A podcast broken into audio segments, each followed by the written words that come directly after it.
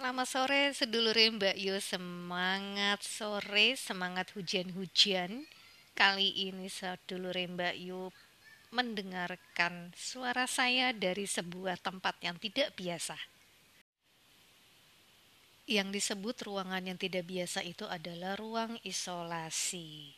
Nah, ruang isolasi ini harus saya tempati selama beberapa hari ke depan karena saya mengalami indikasi COVID-19. Sedih? Ya, enggak juga. Terima saja dulu, nikmatin aja dulu. Banyak berdoa, makan makanan yang sehat. Terus gimana ceritanya ya saya bisa masuk ke sini?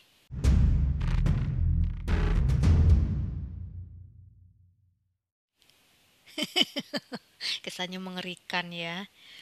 Oke sedulur Mbak Yu, kali ini saya melakukan rekaman di ruangan isolasi.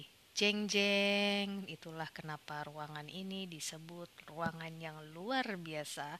Karena sempat-sempatnya ya, lo rekaman lagi isolasi mandiri. Tetap ini sebuah pengalaman yang luar biasa. Jadi gimana ceritanya sih gue bisa masuk ke sini? Indikasi awalnya gue tifus ya. Lalu staff gue ngabarin besoknya bahwa dia positif. Lalu mau gak mau saya harus swab karena saya satu ruangan sama dia. Kita satu ruangan bertiga itu kena semua termasuk saya. Nah akhirnya setelah positif saya dirujuk ke Wisma Makara UI.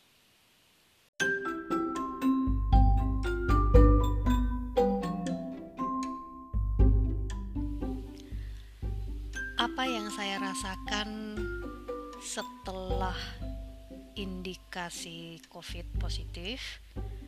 Yang pasti, sebelum terindikasi positif COVID, saat tifus saya merasakan lemas, kemudian batuk-batuk parah, demam juga. Itu saya rasakan 2 sampai 3 hari setelah ada kontak dengan staf saya yang sakit. Badan juga sakit, otot sakit dari kaki sampai ke tengkuk itu sakit. Sakit kepala juga, pusing udah pasti, mual, aduh gado-gado teh ketoprak ya pokoknya campur aduk nikmat alhamdulillah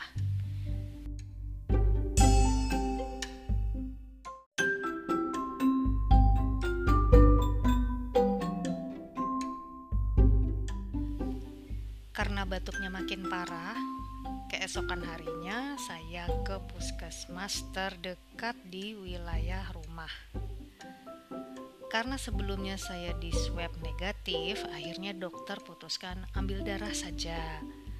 Baru ketahuan tuh tifusnya lumayan. Akhirnya saya dikasih obat dan bed rest di rumah.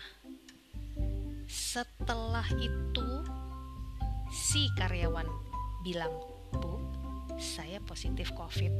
Nah lo berarti gue juga harus swab lagi. Akhirnya swab ulang dan positif. Oke, saya kabarin ke dokter dan dokter sarankan saya untuk isolasi mandiri terpisah dari rumah. Saya terima tawaran itu demi kebaikan anak-anak supaya nggak nular ke anak-anak dan suami. Alhamdulillah mereka negatif, jadi yang positif ngalah ya ke ruang isolasi. Ekspektasi saya ke ruang isolasi itu dapat yang bersih aja udah alhamdulillah. Tapi sungguh mengejutkan loh ternyata ruang isolasi di sini ala hotel. Ada kulkasnya luas ada TV-nya dan ijo royo-royo alias halamannya luas dengan taman yang asri. Jadi ya meringankan beban mental ya nggak terlalu stres jadinya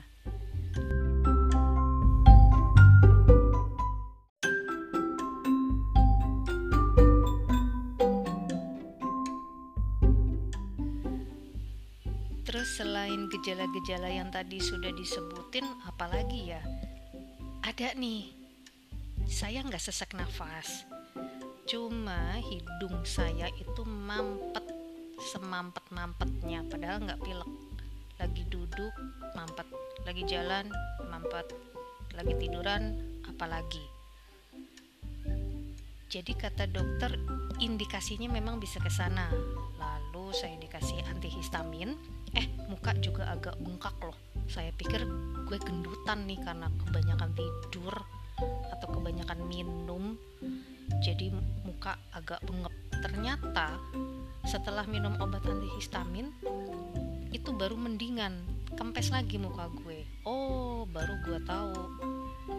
Ini adalah salah satu indikasi atau efek samping dari virus covid. Muka bengkak. Alhamdulillah sih sekarang udah enggak ya. Terus mampet hidungnya juga udah berkurang cuma pusingnya sama mual sama batuk yang masih kadang-kadang muncul ini gue ngomong kesannya lancar padahal sambil nahan batuk juga bo